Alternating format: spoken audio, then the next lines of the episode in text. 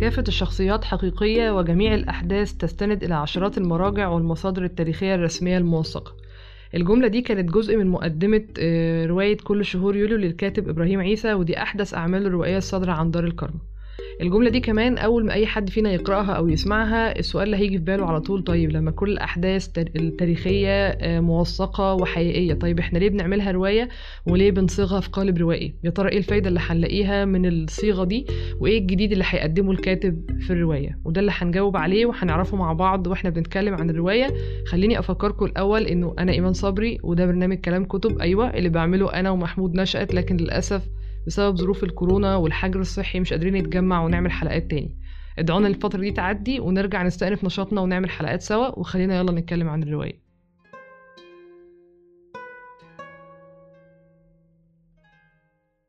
بتبدأ أحداث الرواية دي من يوم 23 يوليو بتمتد لحد 3 شهور من زمن قيام ثورة يوليو الشهيرة. أو بمعنى أدق خلينا نقول إن هي بتبدأ من ليلة 23 يوليو آه، من أول ما بدأوا يتحركوا إيه التغيرات اللي حصلت في الليلة دي وإيه المفاجآت اللي حصلت لهم وإيه اللي خلى ناس تتراجع عن دورها وإيه اللي خلى ناس تتأخر عن القيام بدورها. الحاجة التانية اللي بتثير انتباهك أول ما بتبدأ تقرأ الرواية غير إنك بتعرف إن هي بتتكلم عن أول ثلاث شهور في الثورة هو إنك على طول بتفتكر المشاهد العشوائية أو خلينا نكون منصفين ونقول المشاهد المقتضبة اللي كانت بتيجي في في الأفلام وفي المسلسلات عن ثورة يوليو. المشهد كان بيبقى عبارة عن آه، حركة آه، ضباط بيروحوا مقرات الجيش بيقبضوا على الناس الموجودة هناك وبيحددوا إقامتهم وبيبتدوا هم يتحكموا في كل حاجة وعلى طول بنسمع الخطاب الشهير للرئيس السادات بقيام الثورة. وبعد كده لو طولنا قوي في الكلام عن الثورة بنجيب أهم المشاهد أو أهم الأحداث اللي حصلت بعد الثورة بعد ما حكم عبد الناصر تحديدا. مفيش مفيش ولا عمل روائي أو تلفزيوني أو حتى وثائقي وقف بينا على آه، كواليس ثورة يوليو. يا ترى كانوا بيفكروا إزاي؟ حسوا بإيه؟ آه، دور الصدفة كان إيه؟ دور الأمل كان إيه؟ إيه الخيبات الأمل اللي أصابتهم في الأوقات دي؟ وإيه المفاجآت اللي حصلت لهم؟ وقدروا يتصرفوا معاها برغم إن هم ما كانوش مرتبين خالص؟ ودي المفاجأة برضو اللي بتقدمها الرواية.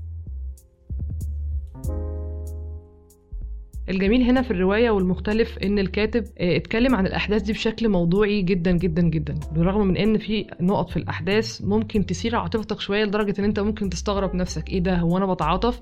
مفيش مجال هنا للعاطفة. وده كان شيء حلو قوي علشان تحكم على الأمور بحيادية تامة جدا. وهنا بقى بيظهر الإجابة على سؤال آه ليه آه الكاتب عمل الأحداث دي برغم إنها حقيقية ليه عملها رواية وإيه الفايدة اللي إحنا نستفيدها؟ الحقيقة إنه كان الجميل هنا أو اللي أنا بشوفه بشكل عام على الروايات التاريخية إن الروايات التاريخية جسر بيعدي من القارئ بالأح... من الأحداث دي إلى مزيد من البحث. بمعنى إن إحنا في أوقاتنا الحالية مع السرعة حياتنا السريعة ومع الأحداث الضاغطة صعب قوي إن حد فينا يروح لأمهات الكتب يدور في ثورة أو يدور الكواليس كانت إيه أو إيه اللي حصل ويربط ما بين الأحداث وبعضها ويشوف إيه الأقوال اللي كانت متضاربة وإيه الأقوال الحقيقية وإيه الأكاذيب وإيه الحاجات الصادقة.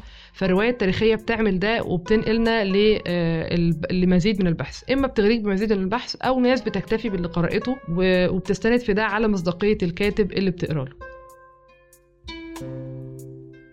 خليني أقول لكم بقى بسرعة إيه الحاجات اللي استوقفتني هنا في الرواية بالرغم من شخصياتها الكتيرة. طبعا شخصيات الرواية متنوعة جدا. كلها شخصيات آه، سياسية من السلطة اللي كانت حاكمة بداية من الملك والحاشية بتاعته. وصولا للضباط الأحرار ومين كان معاهم ومين كان آه، عليهم مين تحمس للحركة مين ما تحمس مين كان واقف بشكل حيادي جدا ما بينهم وما بين الملك. لكن من أكتر المشاهد اللي استوقفتني جدا في الرواية كان مشاهد الملك نفسه. الحقيقة أن الكاتب هنا تناولها بشكل موضوعي جدا. الملك فاروق لما بيجي في أي رواية بيجي على بالك حاجتين. إما أن الكاتب هينصفه وهيبقى معاه جدا ويتكلم عنه بشكل إيجابي جدا جدا بخلفية أن هو بيرجع له حقه أو هيتكلم عن مساوئه ويشوه يشوه في صورته أكتر وبالتالي يشوه في المرحلة بالكامل وفي كل اللي حواليه. الحقيقة هنا والمفاجأة كمان هنا إن الكاتب بيتكلم عنه من من كل الجوانب بشكل موضوعي جدا سلبياته إيجابياته والجميل هنا إنك لا حبيته ولا كرهته. لكن المفاجأة هنا إنك هتتفاجئ إن الملك فاروق كان في ناس مأيداه جدا وكانت في ناس ضد إن هو يمشي ولو كان الراجل ده تمسك بس بموقفه يومين كان اتغير مجرى التاريخ تماما. ما كناش طبعا عارفين إيه اللي هيحصل هل كان هم هينتصروا برضه أو لأ بس كان هيحصل أحداث كتير قوي قوي قوي أكتر من الشكل المختصر اللي حصل في ثورة يوليو. كمان بيظهر هنا من تسليط الضوء على الملك إنه كان شخصية ضعيفة جدا كان شخصية مستسلمة جدا كان عارف إن عمر الحكم بتاعه مش طويل فنقدر نقول كده بعد ما نقرأ الأحداث إن هو ما صدق إن ثورة يوليو دي قامت وشال إيديه من كل حاجة ومشي.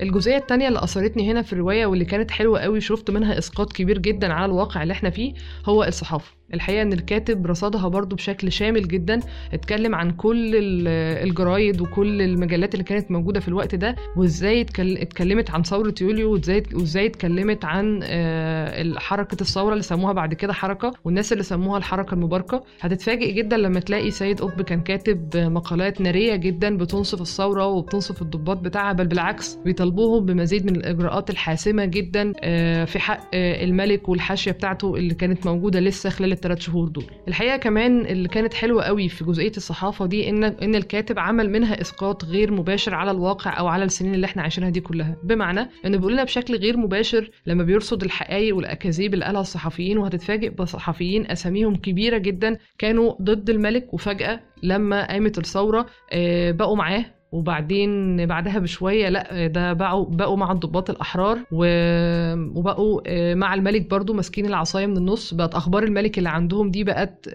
حلوة قوي في إن هم يستخدموها في إن هم يحسنوا موقفهم مع الثورة والضباط بتوعها. هتتفاجئ بمؤامرات وبأخبار متضاربة جدا كانوا الصحفيين الكبار دول هم الأبطال بتوعها. والحقيقة الإسقاط هنا كان بيقول إنه بصوا يا جماعة على أمر الواقع بصوا لحياتنا دلوقتي مش كل الكلام اللي بيتكتب أو اللي بتسمعوه تسمعوه تاخدوه بشكل حاد قوي على أعصابكم لأن الحقائق بتتغير والميول بتتغير على حسب المصالح وفي ناس بتكتب على حسب مصالح كتير جدا. الجميل كمان هنا جدا في الرواية إنك هتلاقي إنه كان في حركات بدأت تظهر كمان مناهضة لحركة الثورة. يعني مثلا كان في سول كان عايز يعمل ثورة ويبقى يعمل حركة برضه ويسميها على نفس الاسم آه، وكان شايف إن هو له الأولوية وله الحق إنه يعمل كده بالأقدمية بتاعته في الجيش. ودي حاجة غريبة جدا لكنها كانت حادثة مشهورة قوي وكان جزء ممتع جدا في الرواية. كمان في مجموعة عمال عملوا آه، إضراب وكانوا عايزين حقوقهم المادية المتأخرة عليهم من أيام الملك وده كمان بيفكرنا بالواقع اللي حصل لنا آه، بعد الثورات اللي مرينا بيها في الفترة الأخيرة. وكانت من أهم النقاط اللي الرواية سلطت عليها الضوء بشكل محترف جدا جدا الحادثة دي اللي هتلاقي فيها غضب وهتلاقي فيها تعاطف مع أبطالها كلهم. المفاجأة كمان هنا في الرواية هي الحسابات اللي كانت مش محسوبة ما بين الضباط نفسهم ما بينهم وبين بعض. يعني هم نفسهم ما كانوش راسيين قوي أو مش عارفين مين هيعمل إيه ومين مش هيعمل إيه وهينجحوا ومش هينجحوا. طب يا ترى هيحصل إيه؟ مش حاسبين خالص أي مفاجآت ممكن تحصل. هم حسبوا للخطوة بس. حتى علاقتهم ما بينهم وبين بعض كانت فيها ارتباك وكانت فيها احترام وكانت فيها مودة. بدأت تتأثر بعد كده بأحداث الثورة. وده الحقيقة عمل ربكة ما بينهم كان ممكن يتخللها آه، مؤامرات كتير جدا. والصدفة برضو خدمتهم انها ما تحصلش. شخصيات الرواية كتيرة جدا جدا جدا. ما بين شخصيات سياسية شهيرة وشخصيات صحفية شهيرة وبين شخصية الملك وعيلته كان في جزء كبير جدا جدا خاص بالملك فاروق وخاص بإخواته. كان موقفهم منه موقفهم بعد ما مشوا وإزاي مشوا وازاي هربوا ومين فضل وفضل ليه. أحداث كتير قوي حواليهم. لكن اللخبطة ما بين الشخصيات كانت قليلة جدا في الرواية ما هيش كتيرة. على عكس المتوقع لما تعرف إن الرواية 659 صفحة بالتحديد بتتكلم عن ثلاث شهور فقط في الثورة ودي كانت مفاجأة كبيرة. كبيرة جدا وأنت مكمل قراءة متوقع إنك هتشوف أحداث كتيرة قوي أو إن الموضوع هيمتد حتى لتولي آه، الرئيس عبد الناصر الحكم. وده اللي ما بيحصلش في الرواية ودي كانت مفاجأة كبيرة وكانت أجمل حاجة حصلت في الرواية. من النقاط المهمة كمان في الرواية هي نقطة الإخوان المسلمين. النقطة دي كان عليها خلاف كبير جدا وما زال عليها خلاف ما بيننا وما بين القيادات السياسية نفسها إن هم هل فعلا كان ليهم دور في ثورة يوليو؟ هل فعلا كان عبد الناصر مؤيد لحركة الإخوان المسلمين؟ إيه هي كانت طبيعة علاقته بيهم؟ طب إيه هي كانت طبيعة علاقة عبد الناصر وقادة الثورة اللي معاه ببقية القيادات والأحزاب السياسية وإزاي اتغيرت الأحزاب دي وعلى حساب إيه؟ إيه موقفهم كان من النحاس باشا؟ مش عارفين إيه هو الموقف الحقيقي إيه كانوا بيحبوه فعلا ما كانوش بيحبوه تفاوضوا معاه إزاي إزاي مسكوا مقاليد الحكم في ايديهم. كل ده برضو هنعرفه جوه الرواية وهنعرف إن في حقائق كتيرة جدا كانت آه للأسف للأسف كاذبة وتروجت على إنها حقائق خدعتنا وفضلت مأثرة على تاريخنا لحد النهارده. الحقيقة إن الرواية دي فرصة لناس كتير قوي قوي مش عارفين يعيدوا حساباتهم بقالهم فترة في الحقبة التاريخية المهمة دي اللي غيرت وجه التاريخ في الوطن العربي بالكامل. وفرصة كمان للناس اللي مش عارفين يقروا أمهات كتب ويجيبوا مصادر أو بتحصل لهم لخبطة ما بين التصريحات اللي بنقراها على لسان الشخصيات دي أو اللي اتكتبت عنهم. للأسف في التاريخ عندنا هتلاقي فجوة كبيرة جدا ما بين اللي بيكتبه الشخص عن نفسه وما بين اللي بيتكتب عنه. الرواية هنا حاولت يعني تعمل عملية تنقيح كده لما كتب عنهم ولما كتبوه هم شخصيا وبتسرد منه الحقيقي أو أو بشكل أدق أو بمعنى أدق الواقعي أكتر من الأحداث دي.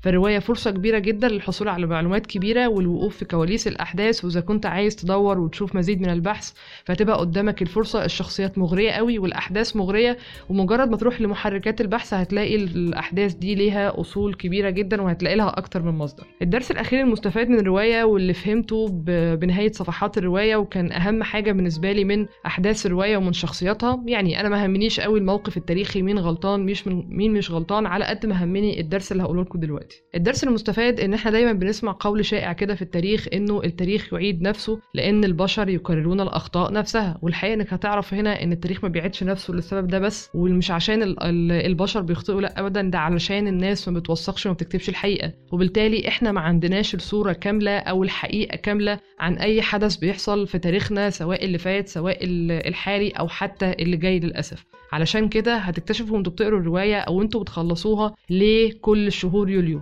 الحقيقة إن إحنا كل شهورنا يوليو لأن إحنا ما بنوثقش التاريخ ما بنكتبش الحقيقة كاملة بنخاف قوي من أحكام الناس علينا وده ممكن حد يقول لي ده بيرجع على, على أساس إنه بنخاف من سلطات سياسية بنخاف من حد يأذينا بنخاف من التشكيك بنخاف إن صورتنا قدام نفسنا أو قدام الناس ما تبقاش كويسة أو يبقى مشكوك فيها لكن شئنا أم أبينا هو ده السبب الحقيقي إن إحنا ما بنسجلش الحقيقة علشان كده كل شهور يوليو. أتمنى إن أنتوا تقرأوا الرواية وتستفيدوا منها ويا رب تكون الحلقة كانت مفيدة وشجعتكم إنكم تقتنوا الرواية وتقرأوها ومستنيين آرائكم عليها.